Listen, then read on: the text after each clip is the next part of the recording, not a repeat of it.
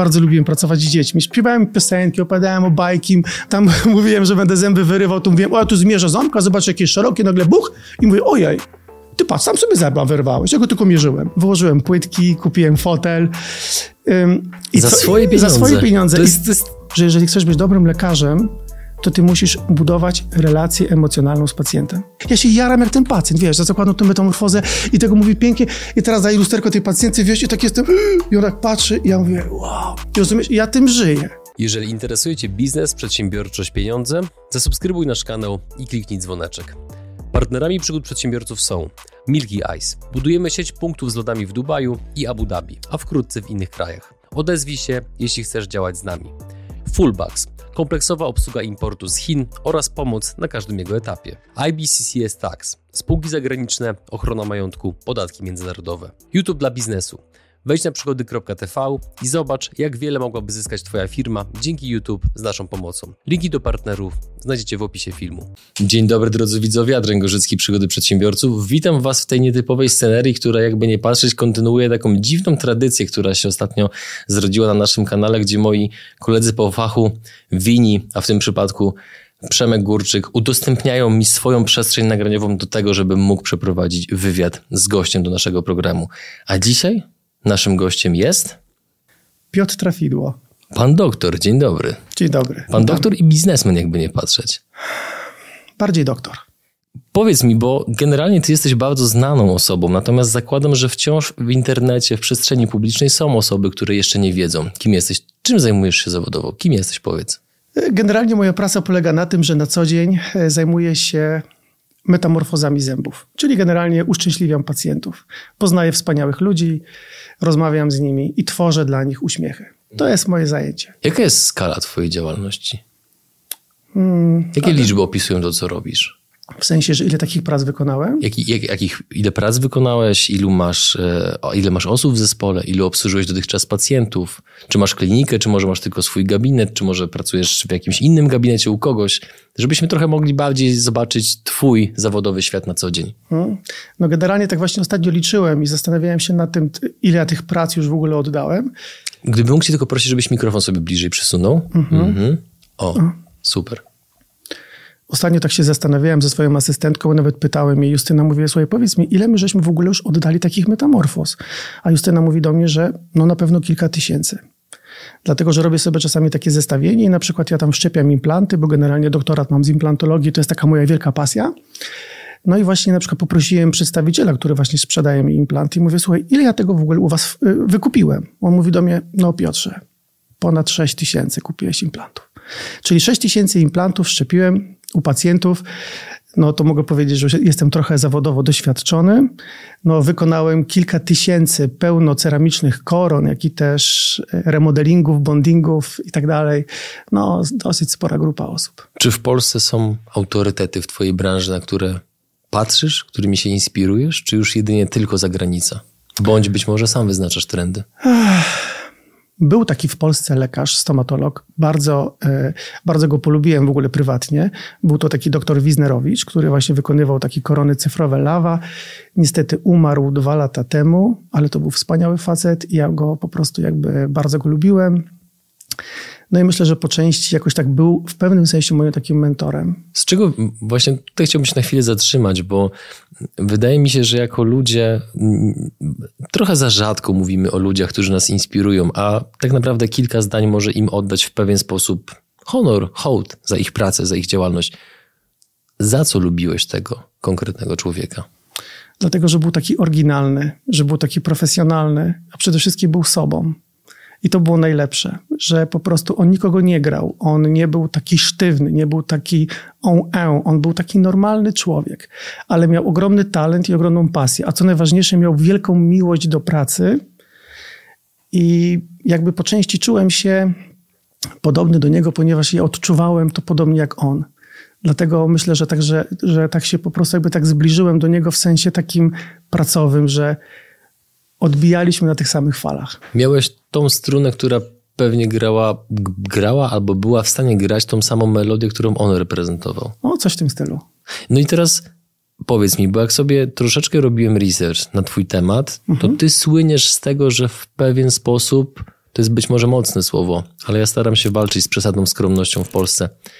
Ty starasz się w pewien sposób swoją pracą wręcz wyznaczać obecnie trendy w tym, co robisz zawodowo. To jest bardzo odpowiedzialne zadanie, które uważam, że oczywiście z perspektywy biznesowej jest prawdopodobnie bardzo dochodowe i o tym może później, ale przede wszystkim w momencie, kiedy ktoś jest pionierem w pewnym obszarze, to siłą rzeczy masz na sobie kolosalną presję. O. Patrzy ci na ręce dziesiątki, setki, tysiące oczu, część kibicuje, część prawdopodobnie nie. tak. Zabierz nas w ten świat i pokaż, jak wygląda codzienność pioniera w twojej dziedzinie. Muszę, wam, e, muszę ci powiedzieć, że to że to nie jest aż takie, e, że tak powiem, e, straszne i tak dalej. Moje codzienne życie polega na tym, że ja generalnie chcę się cieszyć życiem. Wstaję rano codziennie o 5.30, biegam 10 kilometrów. Uwielbiam, jak rano wychodzę z domu. Na przykład uda mi siebie pokonać samego. Jak sobie nastawiam budzik na piątą rano i na przykład nie mogę wstać i mówię, Jezu, chłopie, wstawaj. Ale wtedy mam taki super wewnętrzny głos, który do mnie mówi tak, dobra, Śpi, leż, nic nie rób. Będziesz słaby w robocie, będziesz miał słaby nastrój, będziesz sfrustrowany, że nie biegałeś i pacjenci jak do ciebie przyjadą powiedzą, ten trafidło to taki pozer. On generalnie wcale taki nie jest. Generalnie jest taki smutny, wypalony facet. I słuchaj, to jest rewelacja wtedy. Ciach, od razu jestem gotowy. Ubrany, buch, poszedł. I muszę ci powiedzieć, że to, że e, na co dzień mam takich wspaniałych pacjentów i poznaję tyle ludzi, to po prostu jakby to też oni mnie kształtują, że stałem się taki, że e, dbam o swoje zdrowie, dbam o swojego ducha psychicznego. E, no i generalnie tak mm, każdego dnia powtarzam sobie, Piotrze, jest ekstra i robisz coś fajnego, ludzie są szczęśliwi, ale zawsze możesz jeszcze coś więcej. Zawsze miałeś taki mental? E, chyba tak zostałem wychowany. Mój tato zawsze mi powtarzał, że jeżeli coś chcesz mieć w życiu, to musisz synu ciężko pracować. Jakby mi to wbił do głowy, miałem, miałem super babcię, która właśnie by wychowywała, e, była bardzo skromną e, osobą, ale była taka ciepła, była taka, w, e, miała w sobie tyle takiej energii i właśnie mi zawsze to powtarzała, że, że Piotruś, zdobędziesz wszystko, co tylko chcesz, musisz tylko tego chcieć. Mhm. I w to wierzyć. No i teraz właśnie wracając do bycia pionierem, czy jest jakaś taka, powiedzmy, ciemna strona tej ścieżki, która jest w pewien sposób trudna, która jest niewygodna? Jeżeli tak, to czy mógłbyś nam ją pokazać?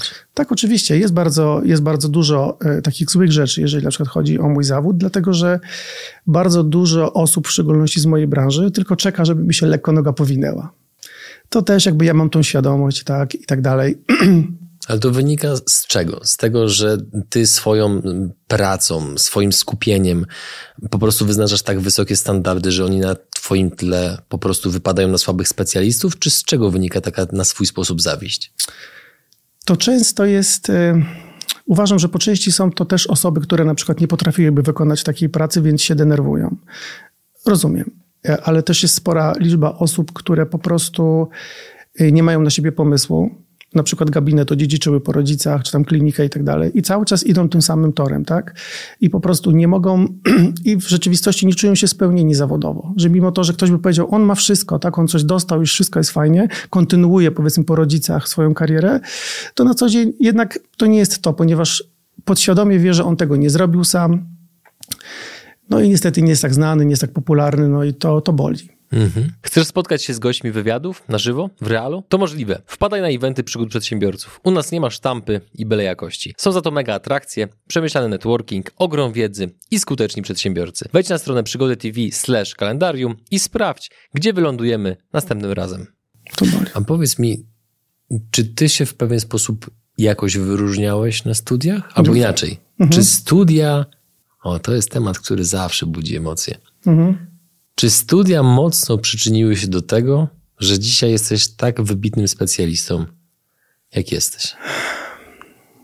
Studi studia dały mi tylko taki zarys, że y, chodziłem na wykłady, poznawałem profesorów, doktorów, słuchałem, co mają do powiedzenia I, mm, ale zawsze miałem jakąś taką podświadomą ścieżkę. W ogóle to jest takie niesamowite, że ja w ogóle nie pochodzę z rodziny lekarskiej, a na przykład gdybyś zapytał kogoś, z kim chodziłem do podstawówki czy do średniej szkoły, a byłem średnim uczniem, to zawsze jak ktoś pytał, kim chcę zostać w przyszłości, mówiłem, że będę dentystą. Nie wiem skąd się to wzięło i zawsze to miałem i się w większości ze mnie ludzie śmiali. Nauczyciele też mówili, dobra, ty będziesz dentystą, ty masz same dwóje, ty dobrze by zawodówę zrobił. ja wiedziałem, że będę tym dentystą. No to było takie. Bardzo dziękuję mojemu tacie, który y, tak mocno we mnie wierzył, mimo to, że no generalnie szło mi średnio. Ja zawsze mówiłem, tato, ja mam takie olbrzymie marzenie, chcę być dentystą. On mnie tak w tym wspierał. Także mhm. do tej pory bardzo mu za to dziękuję. No i tak właśnie się potoczyło. To młody człowiek, który ma podobne marzenie jak ty. Może niekoniecznie, żeby być dentystą. Chodzi o jakikolwiek mhm. inny zawód, do którego być może, no w tym przypadku e, studia są niezbędne, ale do niektórych zawodów te studia nie, nie są niezbędne. Ale tak. pomijmy. Załóżmy, że mamy młodego człowieka, który ma pewne aspiracje zawodowe, żeby stać się wybitnym specjalistą w tym, co robi. Co ty robiłeś przez te lata? I tutaj naprawdę poproszę o takie szczegóły i konkrety. Mhm. Co ty robiłeś poprzez te lata, zarówno na takim poziomie codziennych obowiązków, sposobu myślenia, że byłeś w stanie doprowadzić do momentu, w którym jesteś tak rozpoznawalny w tym, co robisz? No, muszę ci powiedzieć, że to y, zawsze podświadomie ciągle mówiłem, że to jest jeszcze nie to, co bym chciał. Jak skończyłem studia i poszedłem do pierwszej pracy, to była taka praca, y, pracowałem na wsi, 7 kilometrów od Stalowej Woli i wyobraź sobie, że pracowałem w takim ośrodku zdrowia, gdzie tam wszystko było na NFZ, ale mimo to, że wszystko było takie stare i tak dalej, to ja już podświadomie jako taki młody chłopak na własną rękę wziąłem sobie kredyt, kupiłem jakiś taki fajny sprzęt do sterylizacji, kupiłem aparat, żeby robić zdjęcia pacjentom, kupiłem mikroskop, zrobiłem... Za swoje pieniądze? Za swoje pieniądze. Zrobiłem klimatyzację, żeby pacjenci czuli komfortowo, tak? Czego w ogóle to była jakaś abstrakcja. W ogóle jak te remonty robiłem, to kierowniczka przychodzi i mówi, no cześć ty chłopie na mózgu, po co ty takie rzeczy robisz? Ja mówię, no ale ja nie mogę tak, żeby po prostu ci ludzie o tak wchodzili, nie? Tutaj muszą się czuć fajnie. Wyłożyłem płytki, kupiłem fotel. I za co, swoje pieniądze. Za swoje pieniądze. To jest, to jest... I, I, co jeszcze lepsze zrobiłem, wyobraź no. sobie, że wprowadziłem system godzinowy umawiania pacjentów. Bo kiedyś to było coś takiego na NFZ, że wiesz, gabinet od 15 do 20 i powiedzmy od 17 20 osób na korytarzu siedziało. Ja sobie myślałem, no przecież to nie ma sensu. Po pierwsze, ja mam presję, bo muszę tych ludzi przyjąć. Wszyscy się denerwują, marnują swój czas. Więc mówię do mojej asystentki, proszę bardzo, tu będziesz pisała w zeszyt ten pacjent, ten na tą, ten na tą. I też w ogóle na mnie taka... Ale wszystko poszło fajnie i wprowadziłem ten system. I pracowałem tam przez 4 lata. I ten gabinet stał się bardzo popularny. I po prostu miałem takie zapisy wielkie. I pacjenci się umawiali nawet nie na fundusz, tylko chcieli, żebym prywatnie przychodził. I ci rodzice z tymi dziećmi, bo na początku miałem świetny kontakt z dzieciakami, bardzo lubiłem pracować z dziećmi. Śpiewałem piosenki, opowiadałem o bajki, My Little Pony i tak dalej, o Zygzaku McQueenie, nie? I zagadywałem tam te zęby, leczyłem tu plomba. I na przykład jak tam mówiłem, że będę zęby wyrywał, to mówiłem, o ja tu zmierzę ząbka, zobacz jakie szerokie, nagle buch. I mówię, ojej ty patrz, sam sobie zęba wyrwałeś, ja go tylko mierzyłem. I to było takie fajne, nie? I te dzieci były takie w szoku, ci rodzice tacy zadowoleni, nie? No i y, ja byłem taki szczęśliwy z tego, że to tak fajnie wszystko się rozwija, ale naprzeciwko mojego gabinetu był taki sklep, taki GS. I tam przychodzili panowie, tam sobie pili często wina, nie? I ja jak tam z góry na to patrzyłem, to tak sobie kiedyś myślałem, mówię, Piotrze, masz 28 lat, czy ty rzeczywiście mimo to, że gabinet tak świetnie prosperował. Masz 28 lat i czy to rzeczywiście jest sens, żebyś czy ty jesteś gotowy na to psychicznie, żeby przez te następne 30 lat swojego życia przychodzić do tego gabinetu i pracować tutaj? I w pewnym momencie powiedziałem sobie, no, no nie. No nie jestem. I złożyłem CV do takich dwóch klinik tutaj w, w Warszawie, gdzie chciałem pracować, bo chciałem się rozwijać implantologicznie, bo, bo miałem wizję na siebie, tak? Wiedziałem, że chcę robić coś innego, nie? Że chcę po prostu bardziej coś tworzyć, coś takiego. No to złożyłem to CV, ale nikt się do mnie nie odzywał. No więc pracowałem. Pewnego dnia do mnie zadzwonił jakiś gość i mówi do mnie tak, zapraszam pana na rozmowę, tu i tak. Ja wie pan żartuje? No tak. Nie pan przyjedzie. No to przyjechałem, pogadałem z nim chwilę. Mówi, ma pan robotę, ale ma pan tydzień czasu, żeby tu do nas przyjechać. No i wtedy, wyobraź sobie, mój drogi, że ja wziąłem po prostu, przyjąłem wszystkich pacjentów, tych najważniejszych, co miałem do przyjęcia, typu zaczynane leczenia, pokończyłem to wszystko, sprzedałem gabinet, i po prostu z walizką wsiadłem do auta z rzeczami i pojechałem do Warszawy. Przyjechałem tutaj. W ciemno. W ciemno. Po prostu kocie w ciemno, gdzie zostawiłem gabinet, gdzie mój ojciec mówi, Boże, chłopie, wiesz jak to dawniej było. Boże, taki masz gabinet, pacjentów, wszystko, przecież możesz sobie żyć spokojnie, już nic możesz nie robić, tylko żebyś tak pracował. Ja wie, tato, wybacz, no już załamali się wszyscy, że tego. I, i słuchaj, pojechałem, przyjechałem do tej Warszawy. No i tak naprawdę powiem ci, że ta Warszawa mi tylko otworzyła oczy. bo mi się chłopakowi z prowincji, z małej miejscowości wydawało, że w Warszawie to są tacy specjaliści ekstra, wiesz, a ja to w ogóle taki ze wsi facet, nie przyjadę. I, I, ja nagle popracowałem w tej jednej z tych klinik pod Warszawą i ja po roku czasu dostałem propozycję od prezesa tej e, kliniki, że on buduje drugą klinikę na Wilanowie i mówi do mnie, że chciałbym, żebyś był dyrektorem medycznym tej kliniki po roku czasu, gdzie było 20 różnych dentystów, nie? I wtedy, jak on mnie zaprosił na tę rozmowę, to powiedziałem, kurczę, no to skoro taki gość po roku czasu mówi mi takie rzeczy, to, to chyba ja jestem spoko. Chyba nie jest tak źle. Nie? No i, no i to poszło. I wtedy sobie pomyślałem, okej, okay, Zapaliła się żarówka tak, własnej kliniki? Tak. I wtedy pomyślałem sobie, Piotrze, to w takim razie już to wszystko zobaczyłeś, zobaczyłeś, jak to wygląda. Wygląda na to, że nie jest z tobą tak źle, bo mi się wydawało, że jak chłopak ze wsi, z małego miasta, to już to się w ogóle nie nadaje. Po prostu były pewne kompleksy. Tak, dokładnie. To były takie kompleksy, dlatego że, wiesz, ja byłem tak nauczony, że z mojego miasta, ze Stalowej Woli, jak ktoś na coś zachorował, to jechał do większego miasta, do Rzeszowa. Przykład jak do dentysty coś zrobić fajnego, to do Rzeszowa. Nie w Stalowej, tak, bo w Stalowej to partacze, w ogóle nie, Rzeszów to są super dentyści. I takie samo wyobrażenie też do lekarza, no to Warszawa, to najlepsi. No i też takie miałem wyobrażenie, nie? Wiesz, jak to wszystko wynika z tych takich bodźców. No ale jakby sprawdziłem się, popracowałem. Y, muszę ci powiedzieć, że miałem bardzo fajnych pacjentów. Niektórych, jak pracowałem rok tylko w tej klinice, to miałem więcej pacjentów po 3-4 miesiącach niż lekarzy, którzy pracują, pracowali tam latami. Ale to dlatego, że ja zawsze miałem, zawsze uważałem coś takiego, że jeżeli chcesz być dobrym lekarzem, to ty musisz budować relację emocjonalną z pacjentem. Ty musisz zrozumieć tego człowieka. Ty musisz usiąść z nim, porozmawiać i on ma się czuć dobrze w twoim towarzystwie. To nie ty tu jesteś ważny. O, jestem doktor wielki, proszę usiąść, proszę pana, to jest... To nie ma tak. Tu proszę usiądzie, proszę bardzo, co słychać, jak żyjesz, jak się czujesz, tak, co tam ci rano robiłaś, co tam ci doskwiera. Po prostu taka normalna, prozaiczna rozmowa z człowiekiem. To jest, y, to jest klucz do sukcesu w ogóle. I uważam, że to jest ogromny błąd, że na studiach się tego nie uczy. Że każdy lekarz powinien sukces w stomatologii, czy w ogóle w medycynie, to jest o 70% to jest komunikacja z pacjentem, odpowiednia komunikacja. I wtedy takie leczenie zawsze się uda, zawsze pacjent będzie zadowolony i jeszcze nie dość, że będzie zadowolony, to będziesz miał fajnego sojusznika w przyszłości, bo się polubicie nawzajem. Tak? Do mnie pacjenci zdjęcia wysyłają na przykład. Na przykład jak ja jestem w pracy i ktoś mi wysyła jest na wakacjach, wysyła mi swój Hollywood Smile, mówi dziękuję. Jestem taki szczęśliwy, nie? Wiesz, jakie to jest fajne? I wiesz, i, i, to, i, i to zaraża bo to uzależnia, nie? Jakby teraz trochę przeskoczyłem z tematu, nie? Ale, nie szkodzi. Ale praca jest rewelacyjna. I teraz odpowiadam na twoje pierwsze pytanie. Jak wygląda codzienność, e, moja codzienność? Jak ja rano wstaję, ja biegam i myślę sobie, kurczę, ale fajnie, mamy teraz wtorek, nie? W poniedziałek oddałem piękne metamorfozy cię wtorek i już wiem, że będę miał nowe konsultacje, bo do mnie jeżdżą pacjenci, wiesz, z całego, z całego kraju, z całej Europy. Ja codziennie poznaję innych ludzi ale poznaję ludzi y, podobnych też do siebie. Dlatego, że ja takich ludzi przyciągam, czyli ludzi, którzy coś chcą zmienić w swoim życiu, którzy po prostu chcą się cieszyć życiem, tak? Są, że tak powiem, ja to mówię na takim innym levelu, nie? Także, że tak na spokojnie, nie? I którzy kochają życie, którzy są zadowoleni, tak? I, i to jest super. A powiedz mi, jak się bronisz przed taką pułapką mentalną, w którą jako ludzie mamy tendencję wpadać? No bo patrząc z perspektywy biznesowo-finansowej, jednak o tym jest ten kanał w dużym stopniu, tak. no to jesteś człowiekiem, któremu, któremu, raczej już nic nie brakuje, jeżeli mhm. chodzi o skalę posiadanego majątku. Skąd bierzesz cały czas napęd do tego, hmm. żeby być coraz lepszym? No bo pojęcie jednak spoczywania na laurach nie wzięło się znikąd. Więc jak ty się bronisz przed tym, żeby właśnie nie wpaść do tego pudełeczka? Ale ja wcale nie, nie chcę być najlepszy. Ja chcę po prostu sprostać każdego dnia oczekiwaniom swoich pacjentów. Ja z nikim nie rywalizuję. Rozumiesz? Ja idę do pracy i ja robię swoje. I ja poznaję tych ludzi i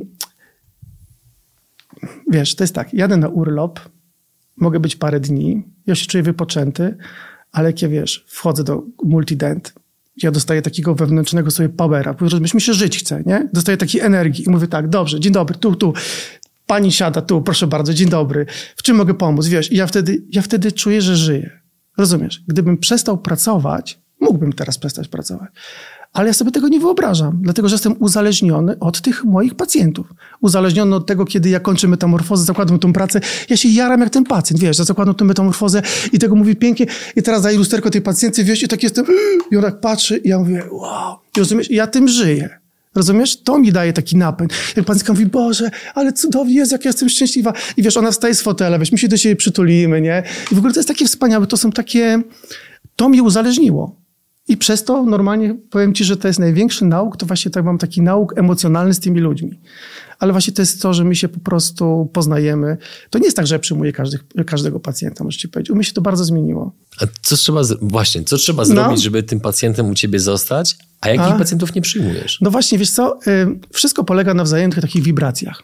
Czasami do mnie przyjeżdżają bardzo bogaci ludzie, którzy na przykład, im się wydaje, że jak mają pieniądze, to mogą wszystko. Nie? Na przykład siada na, u mnie na konsultację, mu tam przedstawiam plan leczenia, mówię, zrobimy to, to, to, tamto. A nagle mnie, a ja nie będę tyle czekał, ja tu wie pan, mam kasę, tu płacę. A co pan będzie mi tu robił? I, I, wtedy, kiedy widzę, że, że już jest coś nie tak, że jakby nie... Nie rezonujecie. Tak, to ja wtedy mówię do niego, wie pan co, ja jestem za cienki, żeby pana przyjąć. Musi pan sobie znaleźć lepszego dentystę. Ja nie dam rady. Bo ja już wiem, że nawet jeżeli wyczaruję mu najpiękniejsze zęby, to on będzie niezadowolony, ale nawet jak będzie, to ja nie będę miał satysfakcji z wykonania tej pracy. Rozumiesz, o co chodzi? Mhm. Że ja też tego muszę chcieć. Ja muszę chcieć zrobić piękny uśmiech, tak? I to jest, e, i to jest właśnie takie fajne. Ile w tym, co robisz, jest normalnej pracy zawodowej, a ile artyzmu? Wiesz co, to jest różnie, bo na przykład... E, jak przychodzi człowiek, każdy jest inny. Każdy inaczej się uśmiecha, każdy inaczej wygląda, każdy ma inną fryzurę, inną, inny nos, tak i tak dalej. Ja te uśmiechy tym ludziom dopasowuję. Wiesz, już teraz jestem na takim etapie, że ktoś do mnie wchodzi, wchodzi i mówi trzy zdania, a ja już, słuchaj, ja już widzę finał tej pracy. Wiesz, nie? Tylko po prostu moim zadaniem jest tylko to, żeby mu to przekazać. U mnie nie ma konsultacji takiej, że na przykład czasami szkolą młodych lekarzy, wiesz, i opowiadają na przykład, że i czasami widzę takie spoty reklamowe, jak tam jakiś dentysta stoi na przykład i zaprasza na szkolenie lekarzy, wiesz, mówi tak, i czyta z kartki. Serdecznie zapraszam na szkolenie, które odbędzie się jak y, y, y, zrobić, aby nasza praktyka była lepsza, wydajniejsza, abyśmy... Pff, chłopie, wiesz o co chodzi, to już to jest kosmos. I teraz sobie pomyśl, jeżeli ktoś do niego na takie szkolenie pójdzie, to jeżeli gość czyta z kartki, bo nie wie co ma powiedzieć, to jak on będzie kształcił takich samych, to, to jaki progres zrobi ta stomatologia? Rozumiesz, nie? Gdzie to wyskoczy gdzieś do góry? Nie? To musi być to coś. To musi być, że będzie to szkolenie i ja was, ja was nauczę nie to, żebyście więcej zarabiali. Ja was nauczę, żebyście wy potrafili rozmawiać z człowiekiem. Mhm. Tak? I to chodzi o to, że w biznesie i wszędzie każdy mówi, bo że mało zarabia, bo to, bo to, bo tamto. Bo myślę, to nie zależy zawsze od cyfr i od jakichś tabelek. To wszystko zależy od tego, jakim ty jesteś człowiekiem, jak ciebie ludzie odbierają. Jeżeli ty jesteś w porządku, ludzie to wyczuwają. Na przykład ja bardzo nie lubię takiej sztuczności. Dlatego też na szkolenia nie jeżdżę. Przez to też jestem znienawidzony. Ja nie mówię tego złośliwie. Jakby oczywiście jest mnóstwo super specjalistów, więc żeby tak nie było, że ja taki jestem. Ale po prostu to jest nudne. Jedziesz na takie szkolenie, wychodzi taki pan doktor i zaczyna ci opowiadać, że to trzeba zrobić tak, robić tak i wiesz, po 15 minutach wiesz, mi się chce ziewać bo tam nie ma nic takiego, co mnie zainspiruje, rozumiesz, nie? I siedzą ci lekarze wszyscy i oni tego wszystkiego słuchają, tak? Ale tam brakuje po prostu takiego porywu, żeby powiedzieć, słuchajcie, ale przecież najważniejsze jest to, jak wy podejdziecie do tej pracy, jak podejdziecie do tego, do tego człowieka, tak? I to jest takie istotne. Takie bycie sobą, naturalnym. Wiesz, sztuczność to poznasz od razu. Ktoś przyjdzie ci, e, dzień dobry, to od razu jest wyczuwalne. I potem się lekarze dziwią, czego on pacjentów nie ma, bo on ma, wiesz, jak do mnie na przykład na rozmowę o pracy, przychodzą lekarze właśnie, nie? na przykład, kto u mnie pracuje? U mnie pracują wybrani ludzie, czyli ludzie, którzy kochają swój zawód i którzy e, nie podchodzą do tematyki pieniędzy. Jeżeli do mnie przychodzi lekarz na rozmowę o pracy i pierwsze pyta, ile będzie zarabiał, to ja mówię do niego, trzymaj się. To już nie ma dyskusji. Albo na przykład ja miałem takiego implantologa, słuchaj, do mnie przyjechał. Aż tak stanowczo podchodzisz? Wiesz co, bo, yy, bo to nie tak się rozmawia. Znaczy się ja tak uważam. Nie? Ja mam swoje jakby takie, wiesz, i po prostu... Yy, żeby było jasne, ja nie kwestionuję twojego nie, stylu. Ja, wiem. Ja, ja, próbuję dociec, żeby go możliwie bardzo zrozumieć, no bo no. jednak skoro masz taką, a nie inną skalę działalności, to znaczy, że coś musisz robić dobrze. No widzisz? I właśnie tu chodzi o to, że cały czas mówię do tej komunikacji. Ja pytam się go, co ty możesz zrobić dla mojego pacjenta, tak, czego nie robi inny dentysta.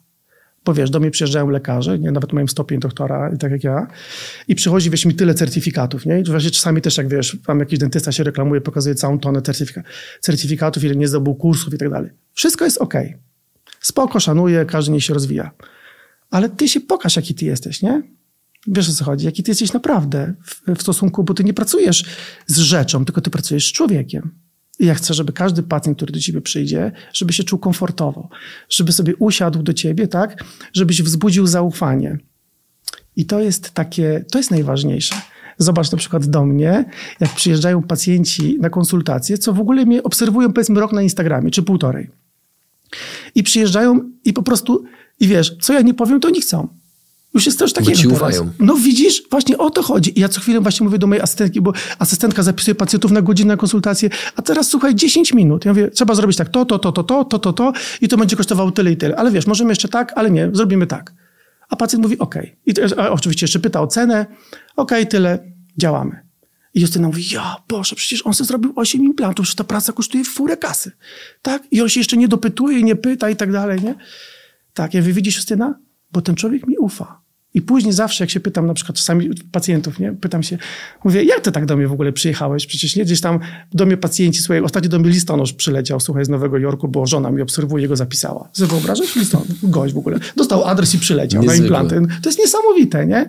I wiesz, i, i to jest to, że ja na przykład mam gabinet w Stalowej Woli, a pacjentów ze Stalowej Woli może mam 3%. Rozumiesz, nie? A po prostu, wiesz, a już takim największym zwieńczeniem mojego, e, mojego sukcesu, ja to, to takie szumne słowo. Moje tak- Satysfakcji, którą czerpiesz z zawodu. Mhm. to wyobraź sobie, że y, zrobiłem y, zapisy na 2023 rok, że, za, że mam miejsca na rok i wyobraź sobie, że w dwa dni zapisałem na cały rok pacjentów. Posłuchaj, ludzie po prostu w kolejkach pod multident stali po prostu z kartkami, bo mieli całą listę ludzi zapisanych, którzy się nie mogli dodzwonić i ludzie szukali ludzi ze Stalowej Woli. Wyobraź sobie, y, że kto zapisze, ten dostanie stówkę czy dwie, żeby przyszedł tylko zapisać wizytę.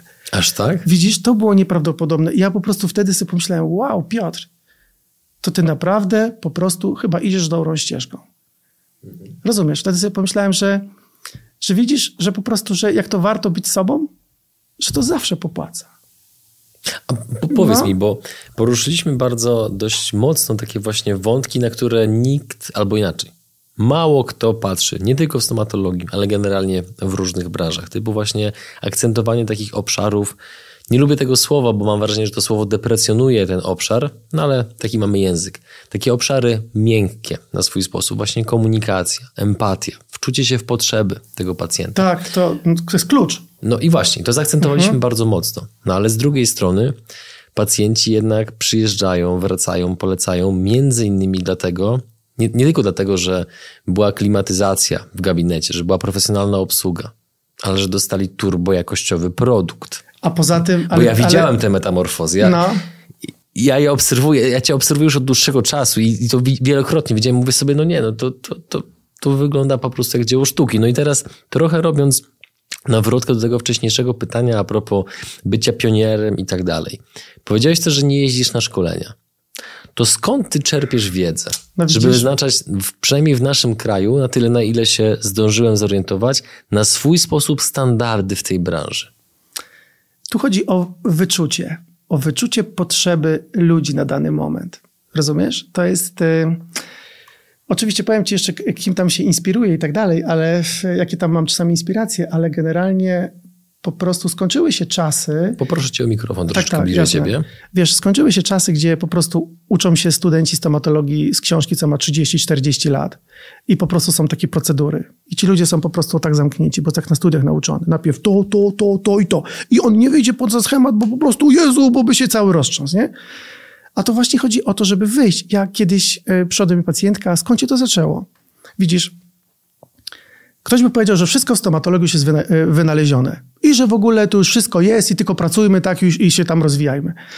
Ale to nie tędy droga. Teraz ludzie są inni. Każdy oczekuje super efektu w krótkim czasie i żeby się cieszył czymś tym uśmiechem, tak?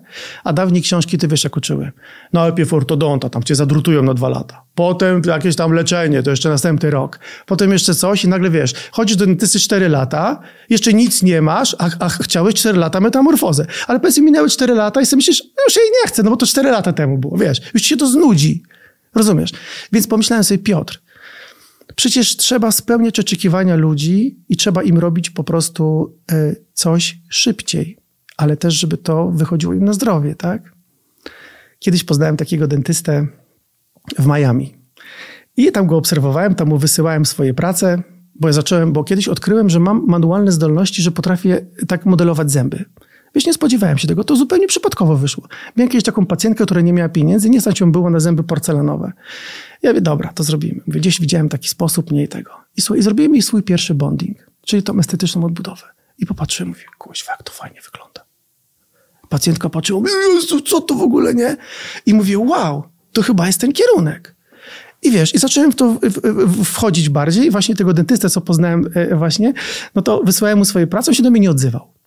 No, ja tam do niego pisałem, nie, że jest fajny w ogóle, nie, że, że super, jego bardzo pozdrawiam, ale do mnie się nie odzywał. No i, a ja mu tam dalej wysłałem te prace, co myślisz o tym? I on kiedyś do mnie napisał, mówi, o, widzisz, ta jest fajna. Ja mówię, o, dziękuję. I, I, tak zaczęliśmy ze sobą rozmawiać. I on mówi do mnie, że wytrwały jesteś. Ja mówię, że przepraszam, że to dzisiaj piszę, nie? ale mówię, mi się podoba to, co robisz, a też coś, coś takiego robić w Polsce. No i mówię, podpowiedz mi po prostu, bo, ma, bo już miałem trochę doświadczenia zawodowego, bo to robiłem, nie? Gdzie popełniam błąd? Bo ja robię tak, tak, tak, co tam jeszcze zrobić, tego, nie? I on mi, on mi powiedział, słuchaj, wiesz, nie? A tu jeszcze tu, tu i wiesz, i dał mi taki po prostu, dał mi ten schemat, taki... Taki trop. Taki trop, wiesz. A ja sobie już to potem, wiesz, zgłębiłem. I po prostu jakby poszedłem na tą falę, nie? I pomyślałem, i zacząłem to robić. Potem sobie pomyślałem, dobrze, jeżeli to pierwsze robisz, bo to jest odbudowa estetyczna na innej wizycie, czyli pacjent może do ciebie przyjechać na dwa dni i wjeżdża z pięknym uśmiechem. Wiesz, i super, i po prostu wow. I zacząłem wrzucać u siebie na Instagrama, ale nie miałem wtedy zasięgów i tak dalej. No i wtedy poprosiłem, znaczy poprosiłem, napisała do mnie taka mała Ania z Warsaw Shore. Bardzo fajna dziewczyna, Sylwia Sowińska. Znaczy, no, Ania Sowińska. I wiesz co, przyjechała do mnie, właśnie zrobiłem jej ten zabieg. I ona była taka szczęśliwa, że opowiedziała o mnie na Instagramie. I słuchaj, tak naprawdę ona pokazała mi światu. Ona pokazała właśnie to wszystko i nastąpił ten taki boom. Ludzie zaczęli się tym interesować, zaczęli przyjeżdżać. Iskra. Tak, ta iskra, wiesz, to wybuchło. I wtedy nastąpiła ta taka wczesna rewolucja stomatologii estetycznej w Polsce. W Stalowej Woli. wiesz, i po prostu boom. Ale poszło to w drugą stronę, czego się w ogóle nie spodziewałem. Że wraz z tym, że ludzie to, że jakby to ludzie się obudzili i to zobaczyli i ja mówię, wow, będę wam to robił, to, że środowisko dentystyczne nagle po prostu, wiesz, zrobi na mnie taki skok. Rozumiesz, nie? Zagroziłeś statusowi quo. No tak, ale chłop, wiesz co, ale to w ogóle, ja w ogóle teraz to im strasznie dziękuję za to wszystko. Ale na, ale na początku, no bo się dzięki niemu kształtowałem. Stałem się silniejszy wewnętrznie. Wiesz, jaki ja miałem hejt niesamowity, jak oni o mnie pisali, jakim jestem partaczem, jakim jestem w ogóle oszustem i tak dalej, wiesz. Najgorsze było, wiesz, dla mnie było bardzo trudne, bo na przykład takich opinii kasować się nie da. Na przykład, ale na przykład oni na mnie na Google pisali, wiesz, opinie, nie? Jako fikcyjni moi pacjenci, że byli, że jestem najgorszy, że po prostu jestem partaczem, że studiowałem nie w Polsce, że po prostu mam kupiony dyplom, że doktorat też mam kupiony, wiesz, takie rzeczy, nie? Albo na przykład, że ktoś przeze mnie stracił zdrowie, bardzo silna dezinformacja. Uuu, ale to powiem ci, że wiesz, a, ja tak bardzo emocjonalnie podchodziłem do swojej pracy, wiesz. Ja tak, no bo ją kochasz i kochałeś. No tak, i wiesz, jak czytasz o sobie takie rzeczy, no to, to wiesz o co chodzi, nie? I, I po prostu to była taka załamka, no, wiesz, no i... Ale czy ta załamka sprawiła na przykład, że miałeś chociaż przez chwilę wątpliwości a propos tego, co robisz, że może nie warto się aż tak bardzo wychylać, albo że z czymś przesadzasz? Czy, czy, czy oni jakkolwiek zachwiali twoim poczuciem słuszności kierunku, który obrałeś? No wiesz co, no, byłem sam na polu bitwy, tak? Bo na przykład my mamy lekarze, izby lekarskie i każdy, każde województwo ma swoją izbę lekarską. Ja mam podkarpacką, rzeszowską. A w Rzeszowskiej Izbie Lekarskiej pracują lekarze dentyści sobie wyobraź, co niedaleko mnie mają gabinety. Więc jak oni mogą być mi przychylni, jak nagle wyskoczył jakiś ze stalowy, jakieś trafidło, tak? I wiesz, i teraz jest cokolwiek. Cokolwiek, że nie wiem, kropki nie postawię u pacjenta w karcie albo pieczątki nie przybiję, to od razu mam sąd yy, po prostu. Oczywiście, sąd Aż lekarski. Tak. tak, sąd lekarski od razu nagana i w ogóle 5 tysięcy kary i w ogóle jak on może. Wiesz, to jest tak, to jest, to jest mówię ci powiedzieć, muszę ci powiedzieć, że wiesz, kto mu się wydaje sukces, nie? Ale, słuchaj, ale nienawiść, w szczególności w mojej branży, jest bardzo duża i bardzo mocna, nie? Jakby teraz to już zupełnie mam do tego inny stosunek, nie? Ale wiesz, na przykład takie są portale dentystyczne, nie? Na przykład tam dentyści takie na Facebooku, nie? No to tam po prostu mnie tak hejtowali przez trzy lata dentyści. Wszyscy o mnie źle pisali, a w końcu wyszło, że że ten administrator tego, tego, te, te, tego portalu dentyści to jest gość, który po prostu chciał się wybić na, e, e, na moim sukcesie, czyli zaczął mówić, że będzie szkolił innych lekarzy z bondingu, że to jest w ogóle prostą, to będzie robił, wiesz, i na tym będzie zarabiał. Tak. Dobra. A o mnie, wiesz, pisali komentarze, taki, taki. Także wiesz, no najpierw chcieli mnie po prostu, wiesz, chcieli mnie ośmieszyć w środowisku, wiesz o co chodzi, nie? Podważysz moje kompetencje i sami wyrosnę, że to jednak tak, oni są mentorzy, tak. Jak to zniosłeś, powiedz, no. bo i chciałbym, żebyśmy ten trochę wątek rozwinęli, ponieważ twoja postawa to jest postawa ludzi, którzy napędzają postęp w dowolnej dziedzinie. Natomiast mhm. nie wszyscy ci ludzie będą mieli dość szczęścia, aby mieć wokół siebie na przykład bliskich, bądź wystarczająco silny, e, silny mental, aby w ogóle dźwignąć tego typu bardzo agresywną, złośliwą, wręcz zajadliwą reakcję otoczenia, który właśnie czuje się zagrożone, bo mhm. nagle pojawia się ktoś, kto jest na swój sposób pretendentem do tego, aby ustanawiać pewne standardy w mhm. branży. Bo mhm. jak już jest, są karty rozdane, e, stół jest ustawiony, każdy zarabia swoje, no to ten status quo jednak będzie prawdopodobnie przez pewne grupy interesu bardzo mocno broniony. No a żebyśmy my jako cywilizacja, już patrząc bardzo szeroko, szli do przodu, my potrzebujemy ludzi, którzy chcą przełamywać schematy i którzy mają odwagę mówić jak jest więc co pozwoliło ci przetrwać ten okres? I chciałbym, żebyśmy to ubrali w trochę takie słowa mhm. wskazówek i porad dla ludzi, którzy chcą zrobić podobną rewolucję, ale w swojej branży. Okej, okay, to ci powiem, wiesz co zrobiło? Pandemia. Koronawirus. Wyobraź sobie, że jak nastąpiła pandemia, to wszyscy lekarze przestali pracować, no bo jest wirus. Nie przyjmują pacjentów. Dentyści tak samo. Wszyscy pouciekali. 90% pozamykało gabinety. Ja oczywiście też podjąłem decyzję, że zamykam gabinet, no i tak dalej, nie? Ale wiesz, siedziałem w domu i sobie myślę, no kurczę, ale zaraz, przecież ja mam tyle pacjentów, tyle ludzi. Jak ja mogę zostawić tych ludzi o tak? Przecież niektórzy mają zęby pozaczynane, niektóre, wiesz, dziecko spuchnie z mleczaka, zaboli i tak dalej, no to jak ja nie przyjmę? Wiesz, i wtedy mówię sobie, mówię do żony wtedy, no kurczę, no ja sobie z tym nie poradzę, nie? Ja mówię, ja pójdę do pracy. No ale wiadomo, no tak, no ale niebezpieczeństwo rodziny, bo to są dzieci małe, tak, tak. Ja mówię, słuchaj, no wiem, ale słuchaj, no ale z drugiej strony, jak ja popatrzę w oczy, jak się skończy pandemia, pacjentom swoim, jak wrócę po tej pandemii i powiem, zapraszam was do gabinetu. Tak, a ktoś powie, a gdzie ty chłopie byłeś, jak ja kuźwa z bólu umierałem, tak moje dziecko było chore, tak nie miałem mnie kto przyjąć. Gdzie ty wtedy? Teraz? Rozumiesz o co chodzi, nie? I słuchaj, jako jedyny, może jedyny, może było kilka gabinetów w Polsce, gdzie ja przyszedłem do pracy. I wyobraź sobie, że byłem bardzo szczęśliwy. Moja asystentka ze mną została, Justyna, fantastyczna dziewczyna. I moja rejestratorka Edyta. Byliśmy tylko we troje, ale przyjmowaliśmy bólowych pacjentów i miałem tak ogromną satysfakcję, bo ludzie przyjeżdżali z bólem z całej Polski. I ja wszystkim mogłem pomóc. I ja tak się cieszyłem, że mogłem, rozumiesz? Tak się tym jarałem, że myślę sobie, ale to jest fajne. I teraz druga strona medalu. Jak to wszystko dentyści widzieli, bo ja relacje wrzucałem, Chłopie, to, to było niesamowite. Dentyści na mnie pisali, słuchaj, do izb lekarskich, żeby mi w ogóle zamknąć praktykę, że narażam ludzi na utratę życia, zdrowia. To już, chłopie, to raz. Potem do mnie jeszcze pisali do Sanepidu, do Stalowej Woli, że w ogóle nie mam żadnych standardów i też powinni mnie zamknąć, bo po prostu narażam ludzi na utratę życia i tak dalej. I wtedy, kiedy ja czytałem te komentarze na swój temat, bo tam wielki pozbór, tam komentarzy było tysiące, wszystkie oczywiście negatywne, nie, że jestem najgorszy i tak dalej, to wtedy sobie uzmysłowiłem jedną rzecz, taką bardzo ważną, że każdy z nich, każdy z nich chciałby pójść do pracy, tylko że się boi. Rozumiesz? I teraz ja to zrozumiałem, że jeżeli oni się mają takie lęki wewnętrzne i tak się wszystkiego boją, to wtedy sobie pomyślałem, Piotrze, a ty się nie boisz, to znaczy, że jakby, jest, jakby inaczej do tego wszystkiego podchodzisz, to znaczy, że że tu już jesteś gdzie indziej. Rozumiesz? I wtedy już pomyślałem sobie, chłopie, długo, dużo mają do zrobienia, żeby, żeby, żeby to zrozumieć, co robisz ty, żeby dojść do tego. I wtedy się oczyściłem. I teraz jak, jakby, jak mam jakieś tam hejty i tak dalej na swój temat w środowisku dentystycznym, to już mnie to kompletnie nie rusza. Więc się cieszę, dlatego że człowiek, jeżeli się skupia na tym, żeby komuś zrobić krzywdę, to traci energię niepotrzebnie na to. I się wkręci się w koło, tak? Jak go tu podejść, co mu tu zrobić, jak go tu opisać, gdzie go tu podać. Nie, patrz, on traci ten czas, a ja w tym czasie, wiesz... Budujesz. Buduję, zrobię. Wiesz, na przykład, to jest piękne, na przykład zobacz, na przykład po, Wyobraź sobie, jaką zrobiłem rewolucję dentystyczną w Polsce. Przez trzy lata mnie nienawidzili dentyści i to, co robię ja, pisali, że to jest największy szmelc. Że bonding to jest dziadostwo, to jest największy, to po prostu to trafidło jest taki osus, robi kasę i to jest niesamowite na takich głupotach. A teraz zwróć uwagę, ile gabinetów w Warszawie czy w ogóle w całej Polsce reklamuje się bonding. Rozumiesz, ale żaden nie napisze na przykład, że na, gdzieś tam na forach dentystycznych, nikt tam nie napisze, że, to, że taki bonding jak pan trafidło w życiu. To tego nie ma. Jest tylko tak, że zapraszamy państwa na bonding, mało inwazyjną odbudowę zębów. Rozumiesz? Wiesz. I to tak to wygląda. I teraz ja w międzyczasie tak fajnie się rozwinąłem, że wpadłem na świetny pomysł. Pomyślałem sobie, ok, nie sztuką jest komuś zrobić zabieg, ale trzeba też serwisować te zęby. Rozumiesz? Nie tak, że o, panu zęby, tam zapłacić 20 tysięcy, do widzenia.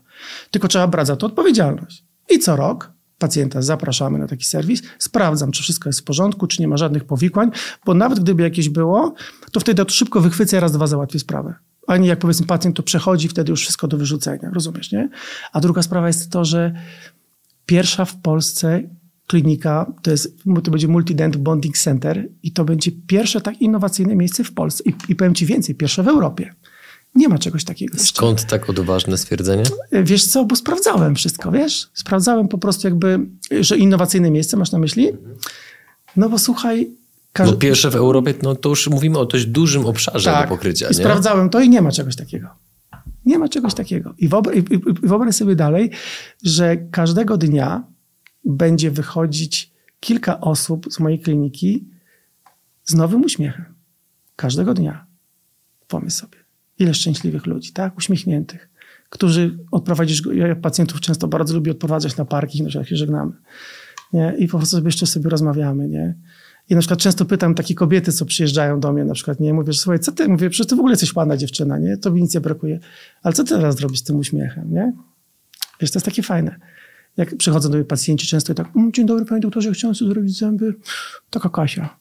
A słuchaj, jak ja zrobię zęby Kasi, to Kasia ma zęby, potem sobie zrobi włosy, make-up, wiesz, i przychodzi Kasia do mnie po roku i wchodzi tak, dzień dobry panie doktorze. I ja mówię, o, to już jest inna Kaśka. To już nie ta Kasia, taka, wiesz.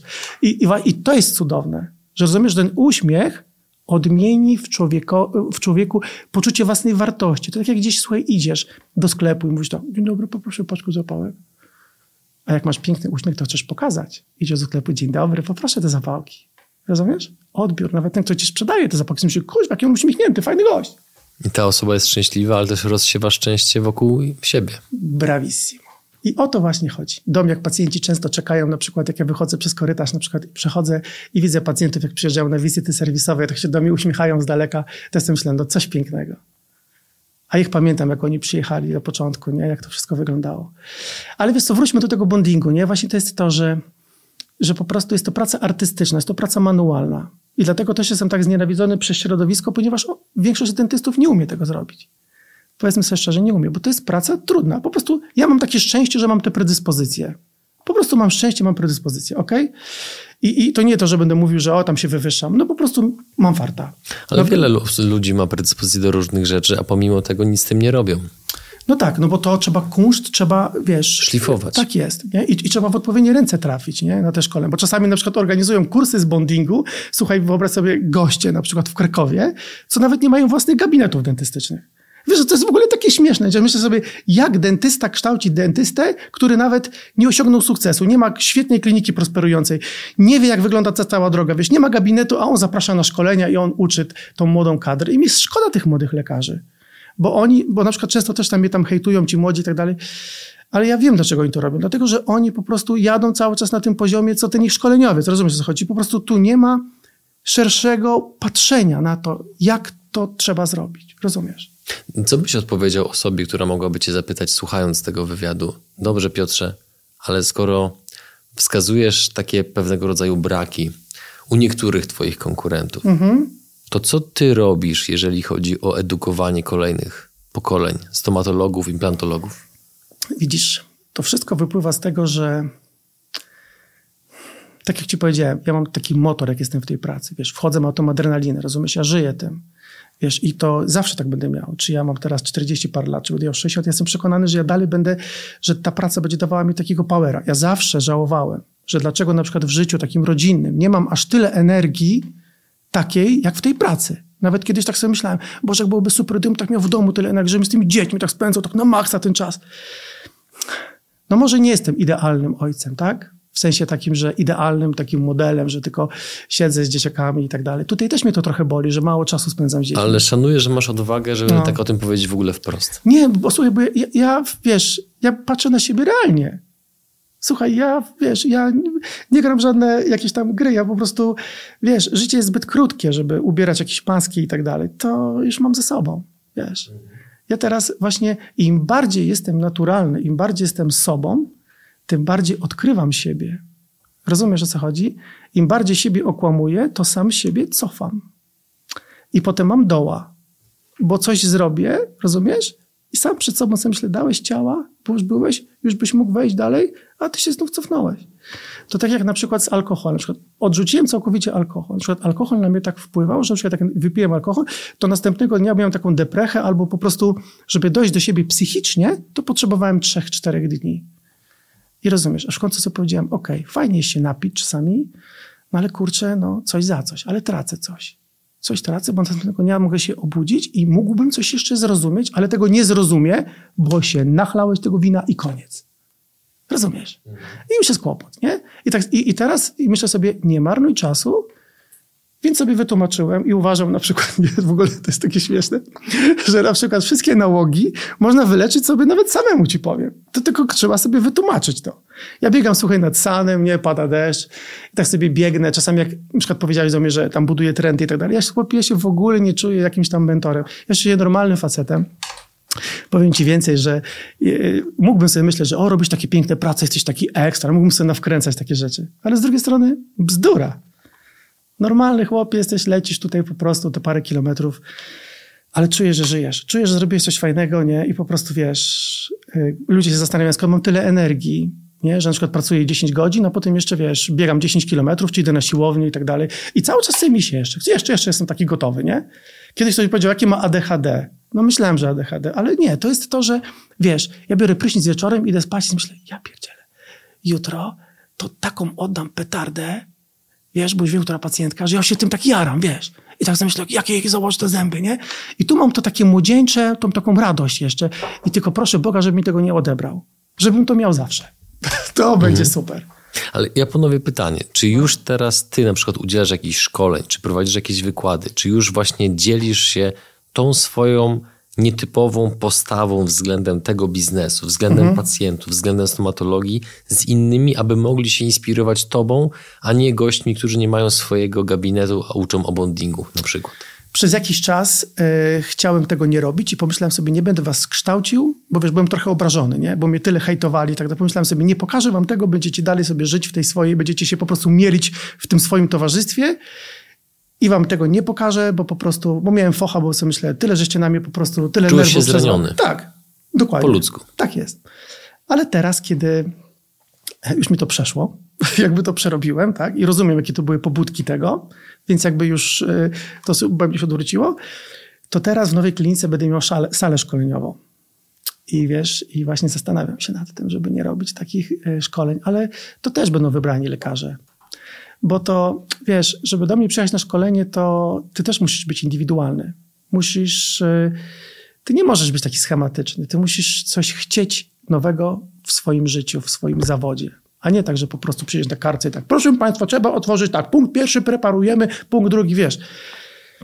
To jest mnóstwo pracy na tej przestrzeni. Mnóstwo też lekarzy, bo na przykład nie wiem, czy zauważyłeś, mnóstwo mnie dentystów kopiuje, próbują zakładać konta na Instagramie, na Facebooku, nie? I na przykład niektórzy na przykład rozpoczynają taki post pisząc na przykład, że tak czasami czytam, jest takie śmieszne. Żeby być dobrym lekarzem, to nie trzeba siebie reklamować.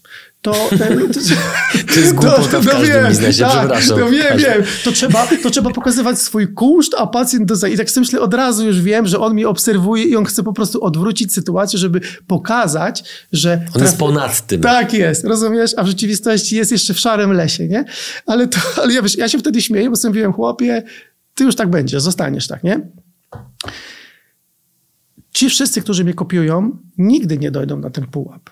Dlatego, że żeby coś zrobić, a to ciągle powtarzam, żeby coś osiągnąć i żeby się wybić, to musisz być innowacyjny. Zejdź ze szlaku. Musisz zrobić coś nowego. Wiesz, jeżeli ktoś napisze, że jest, bo, albo na przykład, sobie pyta, przedstawiamy tutaj, na, wiesz, na przykład są niektórzy lekarze, którzy się na przykład chwalą, na przykład mówią, że robią metamorfozy zębów. No i na przykład ja widzę tego lekarza.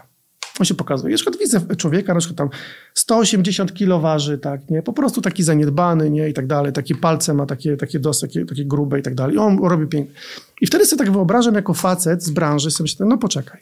Robisz piękne, piękne metamorfozy, ale żeby robić prace manualne, to ty musisz być, po pierwsze, musisz być wysportowany i musisz mieć y, po prostu siłę na tą pracę. Dlatego ja biegam i ja mam energię, bo czasami zabieg mam 8 godzin. Muszę stać przy tym. 8 godzin? No tak. I pomysł sobie Panie. na przykład, że 8 godzin ja wystoję z nadwagą po prostu, z, wiesz, po, i z paluchami będę po prostu coś robił. Nawet gdybym był doktor pięciokrotnie wyhabilitowany i miał super klinikę, to ja nie zrobię dobrze zabiegu. Znaczy nie zrobię go tak, jakbym tego chciał, rozumiesz? Bo to się nie da, chłopie. To się nie da, bo tego...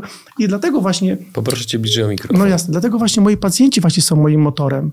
Bo, o, bo po prostu ja ciągle y, chcę sprostać ich, ich oczekiwaniom, tak? I muszę też wiedzieć, że jak ja idę do roboty, to jestem gotowy na tą pracę. Wiesz, że ja zasiadam, ja to robię, nie? A nie, że po prostu siądę i tak, dobra, następny weź, nie? Tak się czuję w niejednym gabinecie. A widzisz? A właśnie nie u, u, mnie tego nie ma. I czasami na mnie pacjenci się strasznie denerwują, czasami nawet też mnie hejtują, bo ja czasami po prostu jak nie mam dnia, to ja dzwonię i mówię, nie przyjdę przez pierwsze 4 godziny do pracy, sorry. A wiem, że pacjent na przykład przyjechał 1300 kilometrów. Ja wiem. Ale ja wtedy go przepraszam. Mówię, przy pana, jak pana przyjmę, za parę godzin. Bo ja się nie nadaję do roboty jeszcze, tak? Ja nie jestem gotowy psychicznie. Ja wtedy, słuchaj, muszę tak. Ja wtedy idę pobiegać. Na przykład albo pójdę na siłownię, albo pójdę na taki dłuższy spacer. Wyciszę się, tak? Po prostu pogadam ze sobą i dopiero wtedy, kiedy jestem gotowy, idę do roboty. Bo już jestem na tym etapie życia, że mogę sobie na to pozwolić, rozumiesz? Piękne. Widzisz? I to jest to. I to jest kwestia, i, i to jest to, że nic mnie nie zmusza. Wiesz, ja po prostu muszę to czuć. Jak ja to czuję, to to robię. Jak nie czuję, to nie robię. No bo wtedy zrobię taki standard. A tutaj zrobię coś, coś tam dorzucę, wiesz, nie? Na tym to wszystko polega. I każdy człowiek może osiągać sukcesy, ale on musi to czuć. Nie, że otworzysz sobie biznes i czekasz, że będziesz zarabiać. To musisz, wiesz, widzieć coś innego. Czy od zawsze miałeś taką harmonię w sobie, czy to jest rzecz raczej świeża? Absolutnie, nawet nie, że świeża. To kilka lat temu się y, y, u mnie to zrodziło i się bardzo tym cieszę. Uważam, że jestem jeszcze na początku ścieżki. I y, niesamowite jest to, jakich ja wspaniałych ludzi poznaję na co dzień, jak do mnie przyjeżdżają ludzie i że oni też są tacy jak ja, a dużo jest nawet lepszych ode mnie, wiesz, nie? I po prostu tak miło mi ich posłuchać. Ja też z nich bardzo czerpię. To jest fajne. Czyli po prostu ja chodzę do pracy i się bawię tą robotą, rozumiesz? I dlatego odpowiadam na twoje pytanie, czy skąd mam energię, bo ja się nie męczę bo ja się nie spinam. Ja to ciągle tłumaczę nad moim lekarzom, że jak on siada do zabiegu, to on ma być, wiesz, profesjonalny tego. wie, chłopie, jak ty się będziesz spinał, to ty w życiu dobrego zabiegu nie zrobisz. Ty masz po prostu wiedzieć, że robić dobrze. Jak do mnie że pacjentka na implanty ma 5 na górze, 5 na dole, jest to zabieg ciężki, chirurgiczny, to ja muszę stworzyć taką atmosferę, żeby ta pacjentka wiedziała, że to generalnie jest nic takiego, a jak ona będzie miała dobre poczucie, to ona nawet tego nie odczuje, rozumiesz? A ja odwalę ciężką robotę, ale zrobię to na takim lajcie. Rozumiesz? Pogadamy sobie, pośmiejemy, opowiem jej jakieś tam rzeczy śmieszne. Z Justyną dowcipy pogadamy, albo jej tam po, po, ponaśmiewam się na przykład z mojej asystentki Justyny. Mam rewelacyjną asystentkę, naprawdę Justyna jest fantastyczna. I po prostu mamy taki team i po prostu i, i rozumiesz, jest ta energia w tym gabinecie. I pacjent schodzi z fotela i właśnie mówi, jaj, o, nawet nic nie bolało, wiesz, nie? Ale on nie wie o tym, że ja mu nawkręcałem 10 śrub, wiesz, że to był zabieg mega. Ale wiesz, ale ja stworzyłem taką atmosferę, że mu się wydawało, że to po prostu tak coś zrobił, wiesz. Ja mówię, to, no, będę zrobił 5 implantów. A to nie tak, że na przykład y, często mnie pacjenci przyjeżdżają, mają jakieś tam wyceny z innych gabinetów i lekarz się mówi, o, to jest ciężka praca, o, to będzie ciężki zabieg. Proszę panią, najpierw musimy tutaj pani naciąć dziąsło, następnie odbudowę tkanki kostnej, proszę panią, później będzie, wiesz, kto tego chce słuchać w ogóle, wiesz? I to, to też trzeba zmienić konsultację, bo w ogóle konsultacja z pacjentem to jest jakaś abstrakcja i, i do tej pory szkolą lekarze, żeby tak właśnie tłumaczyli pacjentom. Rozumiesz? Taki schemat, nie? Że proszę panią, u pani wykonamy leczenie zachowawcze, następne periodontologiczne. Wiesz, pacjent po 30 sekundach, wiesz, no, no, dobra. Co to jest w ogóle? Co to jest periodontologiczne? Co to jest zachowawcze? Kto to wie? Konsultacja... Lekarze jedynie. No widzisz? I oni po prostu tego nie rozumieją, wiesz, że, że tego, że trzeba po prostu powiedzieć człowieka tak, proszę panią, u pani trzeba zrobić tak. 10 zębów ceramicznych, na dole robimy bonding, tu robimy dwa implanty. Okej. Okay. Krótko i treściwie. A nie wiesz, o, opowiadanie tam i tak dalej. O to też mnie w ogóle hejtują, że trafidło to nie potrafi konsultacji profesjonalnej, że to przez to, że robi nieprofesjonalne konsultacje, to jest taki omylny, bo to tyle błędów wyjdzie. To jest bzdura. To jest bzdura, oni po prostu w tych schematach żyją, rozumiesz? I nie wyjdzie, nie wyskoczy, bo by się po prostu, wiesz, roztelepał, bo, bo pan na wykładzie mu powiedział, że tak trzeba robić. Albo na przykład jak ja, wiesz, robię zęby Hollywood Smile. I tam piszą dentyści, jak pan wykonuje zęby Hollywood Smile, takie białe, wygląda jak cersanit i w ogóle, wiesz, myślę, jak ty lekarz w ogóle możesz coś takiego w ogóle napisać? Wiesz o co chodzi? Ja bym się spalił ze wstydu. Gdy na przykład napisał jakiemuś lekarzowi jakiś komentarz, nie, że twoje zęby wyglądają tak tragiczne, jak jakieś, nie wiem, jak, jak, jak, jak toaleta albo coś takiego. No chłopie, no to to, to, to jest dla mnie nie do pojęcia, nie? I wiesz, ale to i, I na przykład i mówią tak, że teraz jest moda na to, żeby zęby robić naturalnym odcieniu, żółte. No to spoko. Ja mówię, no to dobrze. No to okej, okay, przyjechał pacjent do mnie z żółtymi zębami i wyjdzie z żółtymi. Metamorfoza ekstra. Po prostu mega. Ale słuchaj, ale wedle standardów obecnych protetyki, bo przyjedzie jakiś protetyk na szkolenie, wiesz, i tam natłucze tym dentystom, że teraz trzeba takie robić, nie? I oni wszyscy tacy robią. Widzisz, to właśnie tak to e, się odgrywa.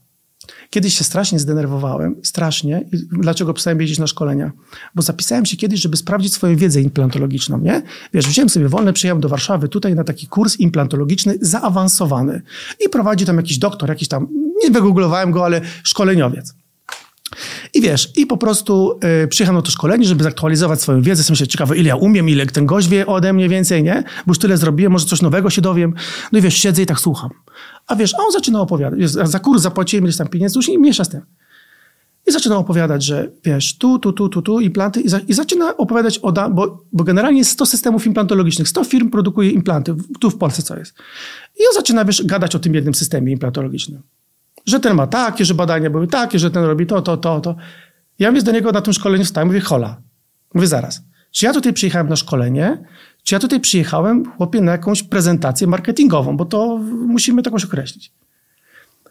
No wiesz, taki w szoku był, nie? Jak no, śmiałeś. No w ogóle, nie? Ja wiesz, że przepraszam bardzo, to ja wziąłem urlop, specjalnie przyjechałem tu na jeden dzień, odwołałem pacjentów, przyjechałem tutaj po to, żeby się czegoś nauczyć, a tu mi gość pierze do głowy, że mam po prostu jakieś implanty, co on, pokazuje mi jakieś badania naukowe.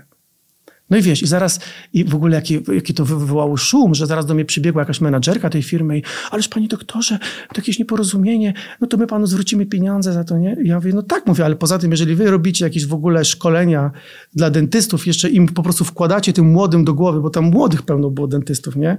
I sobie myślę, Boże Święty, i tak wszystkich tak tłuką im, wie, że mają robić te rzeczy, tej firmy, to nie, to po pierwsze to powinno być za darmo. Rozumiesz? Oni jeszcze z nich pieniądze biorą po parę tysięcy. Taki kurs kosztuje, wiesz, 7-8 tysięcy, nie? Zbiorą 20 osób i nie dość, że sprzeda, że im natłuką, że mają ten imprez, to jeszcze od każdego po 8 koła wezmą. Wiesz, no, Podwójny zarobek. No rozumiesz? I dlatego po prostu sobie pomyślałem, że jeżeli to już jest teraz, y, oczywiście jest wiele szkoleń na pewno, gdzie prowadzą to inni lekarze, zupełnie inna liga, ale ja miałem, dość, ja miałem takie doświadczenia. Ja powiedziałem, sorry, ja w tym siedzieć nie będę. To, to w ogóle nie jest mój świat. Wiesz, ja mam pójść do pacjenta i powiedzieć, że o, tu mam takie implanty, bo badania takie wychodzą, wiesz. Że ja wyglądam na jakiegoś idiotę? Wiesz o co chodzi? Że po prostu ja robię to, co jest dobre i sprawdzone.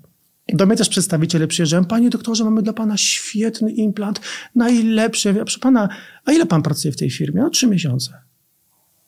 I co pan wie o implantach? Jak 15 lat wkręca. Pan trzy miesiące jest przedstawicielem i pan mówi, że pan ma najlepszy implant. Wiesz, to jest, to jest śmieszne. Rozumiesz, nie? I moim lekarzom też właśnie mówię, u mnie jest team w pracy i się wszyscy bardzo szanujemy. Wszyscy. Lekarze i asystentki. U mnie nie ma czegoś takiego, że lekarz to lekarz, asystentka, tu się zgorsza i tak dalej. U mnie są wszyscy tacy sami. I wszyscy się bardzo szanujemy. I wszyscy sobie pomagamy. I to jest sukces, jeżeli masz zgranych ludzi i to wszystko działa tak, jak trzeba. I na każdego możesz liczyć, nie? W jaki sposób właśnie HR-owo budujesz zespół? No bo powiedziałeś, że szukasz ludzi, którzy są na swój sposób na maksa kochają to, co robią. Natomiast zakładam, że takich elementów, czynników, na które zwracasz uwagę po to, żeby kom kompletować zespół składający się z w pewien sposób pasjonatów wręcz, no to tych elementów pewnie jest więcej. czego szukasz znaczy we znaczy swoich współpracownikach potencjalnych? wiesz, pasjonatów, to też jest tak nie do końca, oni potrzebują takiego bodźca cały czas. Wiesz, to to, że ty masz tych pracowników, to ty jeszcze musisz być tym takim z przodu, tym takim, co ich tak ciągnie wszystkich, wiesz. Ja ich, wiesz, na każdego ich znam, wiem jak na każdego zadziałać i czasami jak przychodzę i widzę, że coś tam modeluje, robi, bo wyszkoliłem kilku moich lekarzy, co robią już te bondingi robią je super, ale czasami ja przynoszę swoją pracę i mówię tak, zobacz jaki zrobiłem bonding, teraz popatrz, popatrz, jo, ale robota, ja cię pierdzielę. Ja to robię specjalnie, żeby on siedząc, to, jak to robi, to żeby miał w głowie, kuźba, to ja zrobię lepszą, wiesz. to, to jest to, nie? I żeby potem, żeby potem mógł mi się pochwalić, nie? I przyjdzie pyta, szef, ja zrobiłem taką. Mówię, wow. Mówię, mega. Rozumiesz? Na tym to wszystko polega. Że ludzi trzeba cały czas motywować. Wiesz, można Stymulować. Osiąść, oczywiście, że można osiąść na laurę. U mnie lekarze mogliby, ci co na przykład tam zakładają plomby i tak dalej, oni mogliby generalnie w ogóle się już nie starać, bo i tak pacjentów jest full i pełno ludzi ja im wyślę, co coś mają do zrobienia. Ale to nie tak działa. Rozumiesz? To nie, że ja im kogoś wyślę, ma kogoś coś. To ma być robota first class. Rozumiesz? Tak jak ja sobie tego życzę. I dlatego ja wchodzę zawsze do gabinetów i sprawdzam, kto jak pracuje. Ich pacjentów często pytam wyrywkowo, jak się pan czuje, czy wszystko było w porządku jak trzeba, tak? I to mówię, tak, fajnie, tylko że pani na przykład mi nie powiedziała, że coś tam y, rozmawiała na przykład z koleżanką, a gdzieś tam ze mną nie wiesz. I ja wtedy mówię, słuchaj, czego gadasz z koleżanką, a nie tutaj yy, yy, z pacjentem, tak? I wiesz, i wyciągamy wnioski, nie? Mhm. To jest fajne. Ale oni to ale nikt cię na mnie nie obraża w pracy, rozumiesz? Każdy wie, że jestem taki, że im tu tłumaczę. Cały czas im mówię, pracujecie w miejscu, to nie, jest, to nie jest po prostu fabryka pieniędzy, to nie jest po prostu miejsce, gdzie przyjeżdżają ludzie i wy macie zarobić. Wy macie poznać ludzi, macie się wewnętrznie ukształtować przy nich, macie się dobrze bawić i macie zrobić piękną robotę. Takie jest moje widzenie teraz. Co byś powiedział osobom, które oglądają ten wywiad i myślą sobie, hmm, chciałbym pracować dla kogoś, kto ma taki poziom obsesji na punkcie tej dziedziny? Powiem ci, że to, to jest trochę zgubne. To jest trochę zgubne, bo to nie jest, wiesz, bo ja ci tu powiedziałem o tych takich fajnych rzeczach, tutaj fajnych stronach. No to powiedz też o niefajnych. No, że ja żyję tą robotą, wiesz. Ja myślę o tym. I, I, być może ktoś by sobie powiedział, że ja za bardzo tym żyję, nie? bo ja po prostu gdzieś jadę, myślę, tak, temu zrobiłem to, tamto. Wiesz, jest często, że jak wychodzę z pracy, to nie jest tak, że ja zamykam pracę i wychodzę. Tylko wiesz, jeszcze biegam tą dychę, bo gdybym nie biegał, słuchaj, to martwię się o siebie, ale wierz mi, że byłoby niedobrze ze mną. Wiesz to jak ja po prostu, wiesz, biegam, to ja cały czas myślę, temu zrobiłem to, temu tamto, czy to, to, to, to, to, to, to. I na przykład pacjenci się pytają, skąd ja mam taką dobrą pamięć? Na przykład ktoś do mnie na przykład przyjeżdża po siedmiu latach i ja mówię, a jak ten implant w czwórce? No to pan pamięta? Ja mówię, no jak mam nie pamiętać? Przecież to kurde robiłem, no. Wiesz o co chodzi, nie? Ale patrzę w karty Justyna, mówi, siedem lat! Ja mówię, no i co? No dobra, ale tam miał ciężko, bo tam miał korzeń ciężki do wyrwania, nie? Pan facet, no tak było, tak pamiętam. No mówię, kurde, pan taki. No tak, bo jeżeli robisz coś z emocjami, wiesz, to ty to pamiętasz. Pracę tego, wiesz. I na tym to wszystko polega. Jesteś trudnym szefem pod pewnymi względami? Nie.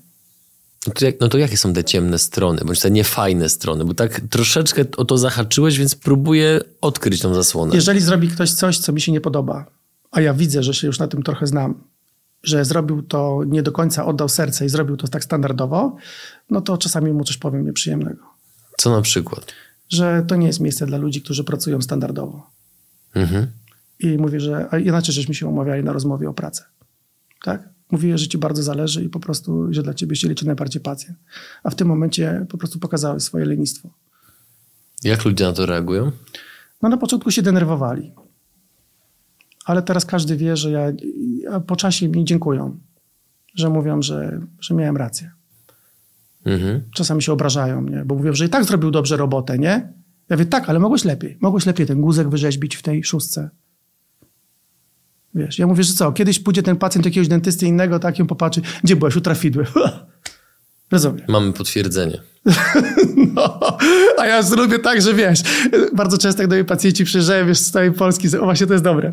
I na przykład chodzą do innych dentystów na przeglądy, na przykład na czyszczenia zębów, bo tam są 8 miesięcy. Ktoś tam ma do mnie 1000 kilometrów, to nie będzie jechał, pójdzie do swojego dentysty. I za każdym razem jest jeden schemat. Zbiegają się wszyscy pracownicy, jak tylko mówisz, że utrafidły zęby robią, to wszyscy lecą i oglądają wszystko, wiesz, szukają lusterkami, zdjęcia robią, żeby tylko coś znaleźć, nie? No i wiesz, no rzadko jest tak, że coś tam się im uda. Właśnie to jest też dobry wątek. Właśnie kiedyś, no, ale to może na inną rozmowę. Właśnie, ale... Chociaż no, zahaczmy teraz. No, że lekarze czasami właśnie nie radzą sobie z emocjami, z nienawiścią i czasami specjalnie pacjenta podkręcą, powiedzą mu, że coś jest źle zrobione, ale to tylko po to, żeby wyrzucić z siebie tą nienawiść do mnie, ale przez to oni tego pacjenta stresują. Bo jak na przykład pacjent robi implanty, tak, i ona robi u jakiegoś dentysty czyszczenie, a on tak wnika, wiesz, potem zrobi jej zdjęcie tak, o proszę panią, ten implant tutaj jest nie bardzo, mogą być komplikacje. A wiesz, ktoś słyszy komplikacje, to od razu w głowie się... Uruchamia się pętla. Lęki, tak, nie? I czasami na przykład do mnie pacjent jedzie, słuchaj, z Niemiec na przykład, nie? Czy, czy na przykład, nie wiem, z Wrocławia, czy z Krakowa, bierze urlop i przyjeżdża na cały dzień, on taki roztrzęsiony, bo, bo coś jest nie tak z implantem, bo był na czyszczeniu, dentysta powiedział, tak? Wiesz, ja robię zdjęcie, patrzę na to i mówię, przecież wszystko jest w porządku, nie? I wtedy, żeby znowu do tego człowieka dotrzeć, to muszę bardzo dużo energii wpompować. Nie muszę mu to wszystko wytłumaczyć, nie? opowiedzieć od początku i tak. Muszę znowu wejść w tego człowieka, żeby on to rzeczywiście zrozumiał. Bo wiesz, jak on powiem, panie, wszystko jest okej, okay, dobra, do widzenia. To tak się nie da. To trzeba, wiesz, ludzie niektórzy są tak nakręceni, że z nimi trzeba już inaczej. Wtedy trzeba po prostu oddech. Ja sobie czasami tak siadam, mówię tak, dobra pani, siada pani Jadziu i teraz oddychamy. Na przykład mówię, że są takie ćwiczymy sobie dwie minuty. Mówię tak, dobra. A teraz pogadamy o tym zdjęciu. Proszę panią. Przecież nikt nie jest dentystą. Nie będę komuś pokazywał zdjęcia RTG i mu tłumaczył, proszę panią, tu zanik tkanki kostnej, tu taki, wiesz. Kto się na tym zna? Ty musisz człowiekowi powiedzieć, że jest dobrze, jeżeli oczywiście jest dobrze, bo czasami się zdarzy, że coś się dzieje. Ale to jest naturalne. Ale słuchaj, jestem tylko człowiekiem. Czasami zdarzy się, że implant się nie przyjmie, że korona się złamie. To jest naturalna rzecz. Wiesz o co chodzi. Ale to wszystko zależy od tego, jaki jest, jakie masz relacje z pacjentem, że ktoś to zrozumie, przyjdzie ok. Ale jak ktoś pójdzie do jakiegoś innego dentysty, komuś nie odpryśnie kawałek ceramiki, co oczywiście nie jest moją winą, bo to wiesz, robi pracownia protetyczna, ja zakładam. Różnie może być zgryz i tak dalej, różne czynniki. Jak dentysta powie, o, źle panu zrobił, no to wiesz, pacjent przyjeżdża, mówi, źle mi pan zrobił, nie? bo mi odprysło, nie? Tak jak z samochodem, nie? Wyjdziesz z mechanika i ci przestanie jechać, no to źle ci zrobił. Ale to nie jest tak do końca, nie? Że po prostu... Czasami no. są inne czynniki po prostu niż ten konkretny winowajca. Tak. A, a do mnie przychodzą na przykład lekarze, znaczy pacjenci, którzy mają różne komplikacje po swoich dentystach. Ja to widzę, ale ja nigdy człowiekowi takiego czegoś nie powiem. Rozumiesz? Bo ja, sobie, ja się wtedy wczuwam w tego pacjenta. I myślę sobie, jak ja bym powiedział takiemu facetowi czy jakiejś kobiecie, że ma to źle zrobione, tamto trzeba powiedzieć, że tu torbie się robi, tu to, tamto, nie?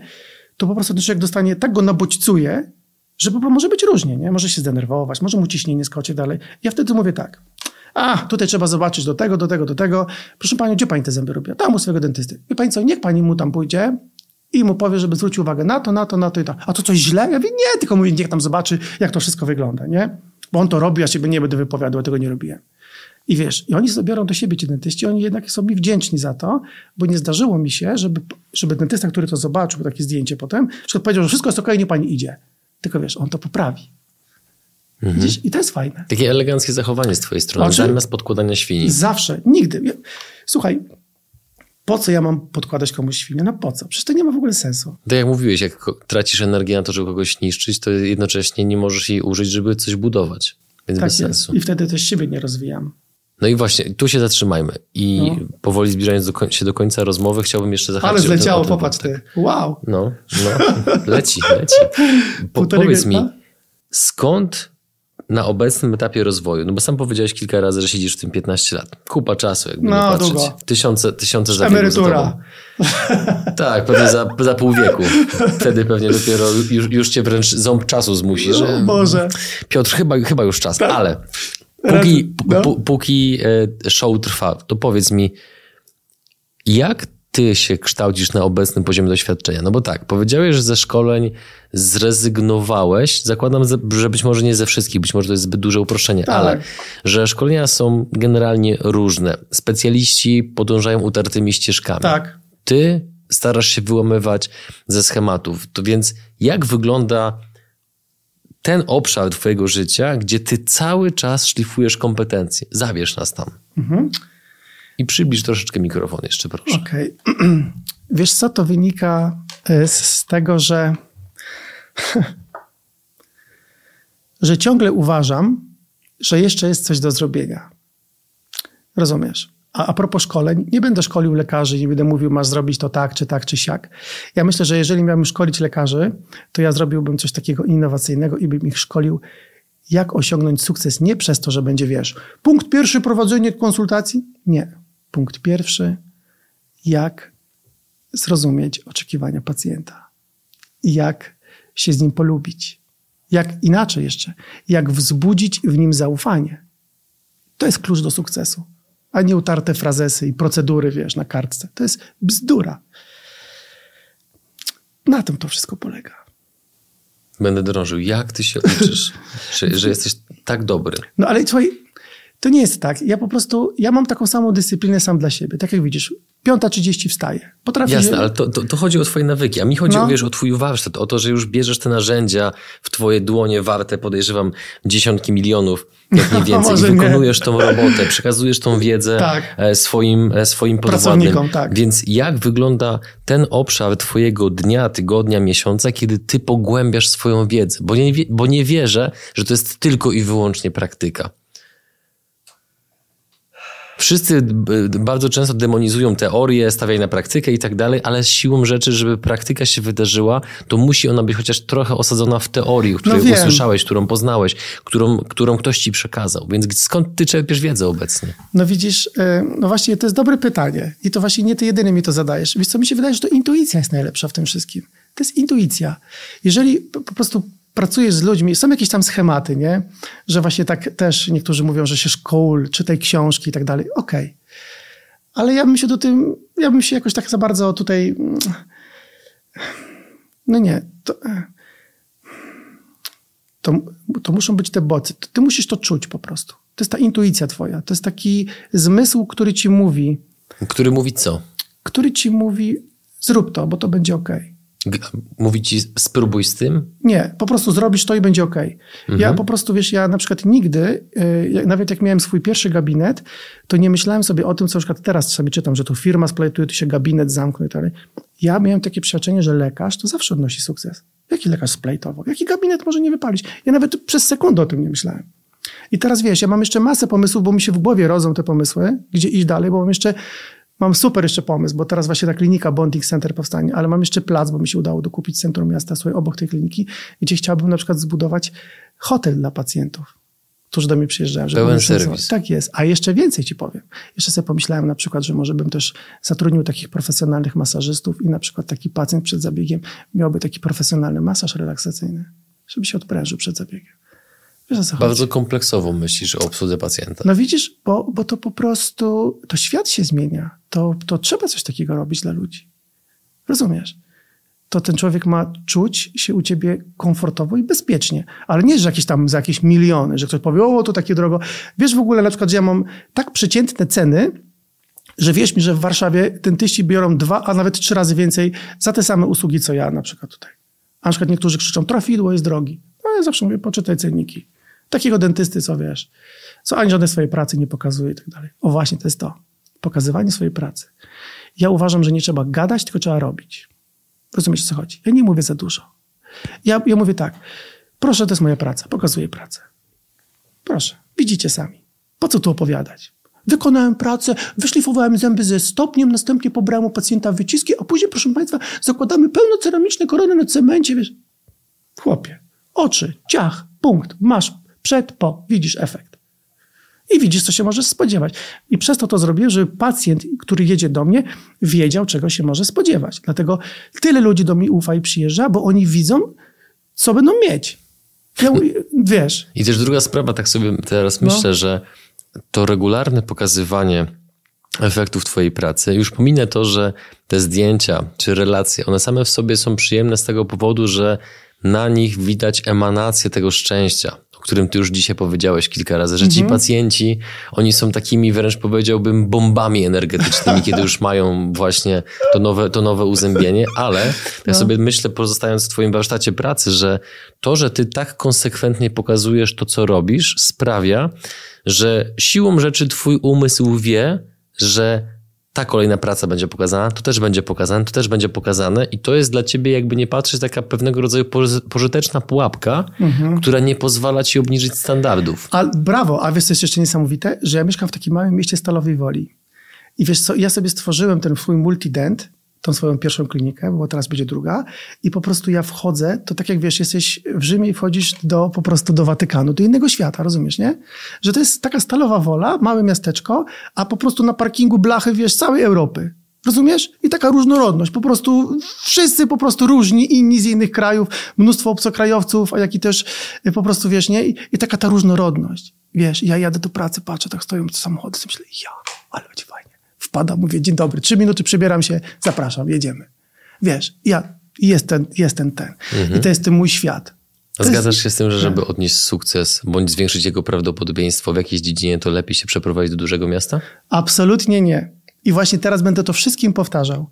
A widzisz, właśnie to jest to, że jak ja wróciłem do Stalowej Woli, to jest świetne pytanie, muszę ci powiedzieć. Właśnie Dziękuję. To jest, no naprawdę, bo to właśnie chodzi o to, że widzisz, odwróciłem ten trend, o którym ci mówiłem na początku, że żeby zrobić sobie dobrze usługę, to z małego miasta trzeba jechać do dużego. Tak jak u mnie ze Stalowej do Rzeszowa, czy do Warszawy, bo są najlepsi specjaliści. Widzisz? A ja przyciągam ludzi z takiej Warszawy, co mam codziennie może czterech, pięciu pacjentów, ale w ogóle z całej Polski, wiesz, i z Europy. Yy, właśnie oni do mnie jadą z dużych miast. Do mojej małej miejscowości. Ale właśnie dlatego jestem w tej małej miejscowości, ponieważ ja pomyślałem sobie, Piotrze, ty zrobisz takie miejsce, gdzie to będzie perełka dentystyczna. Te się ze mnie śmiali. Mój ojciec też łamał rękami. Piotr, ty zgłupiał. Miałeś, on ciągle, miałeś ten gabinet, że go zostałem. Boże, jak ja wróciłem do Stalowej, nie on co chwilę płakał, bo wiesz, bo ja najpierw taki mały domek kupiłem, wiesz, go, miałem dwa gabineciki, wyremontowałem go. I wtedy też w tym małym domku, jak tak siedziałem, tak sobie myślałem, i też miałem taki śmietnik, kurde, obok siebie. I mówię, Boże, czy będziesz patrzył na ten śmietnik, wiesz? I wtedy mówię, nie, koniec. Wziąłem taki wielki kredyt i wybudowałem taką wielką klinikę i mówię tak, teraz jedziemy z koksem po prostu. Bo to będzie super ekstra perła. I udało się, widzisz? I powiedziałem sobie to, nie ma szans w ogóle, żeby to nie wypaliło. Po prostu nie ma szans. Po prostu to będzie ekstra. I po prostu, wiesz, padał deszcz, stały takie, słuchaj, takie drągi, ten parking był taki rozwalony, takie błoto. Ja przez to błoto szedłem, wiesz, i te asystentki moje stały tam w pracy, wie, dziewczyny, bo w trakcie budowy to było obok. I wie, nie martwcie się, już za parę miesięcy to będzie perełka, słuchajcie, perełka. One takie stały, wiesz. No tak, tu kuźwa woda się leje, tu zimno, tu w ogóle wiesz, nie, bo to dopiero początki były, nie. Ale ja już to widziałem, wiesz. Ja już to widziałem i tylko czekałem, kiedyś to skończy. I tak każdy przedsiębiorca powinien robić. Że on powinien nie patrzeć na to wszystko, co się dookoła dzieje, a może to, a może tamto. Absolutnie nie. Ty masz widzieć ten punkt, który tam gdzieś jest. Bo droga do sukcesu wcale nie jest, sukces wcale nie jest fajny. Bo na przykład jak ja dochodzę do pewnego momentu, to wtedy sobie myślę, uuu. Co dalej? Tak, najlepsza jest ta droga wiesz, te wszystkie takie ścieżki, które tam ci pojawiają, te trudności, wszystkie te po, pokonywanie tego, to ciebie kształtuje, to pozwala ci, wiesz, yy, tak rozumieć pewne rzeczy, tak obejść je, nie? Z czego twoim zdaniem bierze się właśnie to nastawienie ludzi, że jeżeli sukces, to raczej duże miasto, a nie małe? No widzisz, yy, słuchaj, teraz w dobie internetu kiedy po prostu e, mamy ten internet, to ty możesz sobie w Bieszczadach kupić taką, wiesz, starą chałupę, żebyś tylko miał taki pręt, żebyś miał internet i ty możesz tam mieć świetnie prosperującą firmę. Rozumiesz? I możesz sobie siedzieć na werandzie, po prostu będą obok ciebie chodziły sarny, a ty będziesz sobie po prostu pracował, będziesz się delektował życiem. To nam dają media. Ja sobie pomyślałem i właśnie na to postawiłem. Postawiłem na media i postawiłem na siebie. Postawiłem na to, że pokażę wam takiego, jakim ja jestem, i pokażę wam, że ja jestem tutaj dla was i ja zrobię dla was fajną robotę. Ja was zapraszam. Tyle. Tutaj postawmy kropkę, pomimo, że mam mimo wszystko bardzo duży niedosyt, bo jesteś niezwykłym człowiekiem. Ta no, energia po prostu aż mi się udzieliła, bo wręcz uruchomiłeś pewną gonitwę myśli a propos różnych obszarów mojego życia zawodowego, więc dziękuję ci za te doświadczenia. Ja tobie dziękuję za zaproszenie. Bardzo mi miło. To w ogóle był pierwszy raz mój taki na YouTube, bo ja wiesz, nagrywam relacje takie chwilowe w pracy, ale tak przed mikrofonem. Dlatego tym bardziej dziękuję za przyjęcie zaproszenia, ponieważ tak jak już pisałem zresztą ci na Instagramie, moim zdaniem twoja historia jest niezwykła, a jeszcze jak teraz tą historię de facto teraz rozwinąłeś, opowiedziałeś, pokazałeś pewne kulisy, no to dla mnie zaszczytem było poznanie Cię. Bardzo dziękuję, dziękuję bardzo. Ci dziękuję Ci bardzo, było mi bardzo miło. No i moi drodzy, naprawdę wszystko jest w życiu do zrobienia. Idealne podsumowanie. Drodzy widzowie, słuchacze, dziękujemy, że byliście z nami. Do zobaczenia w kolejnym odcinku. Dziękuję bardzo. Cześć. Do widzenia. Zrobione. Wow.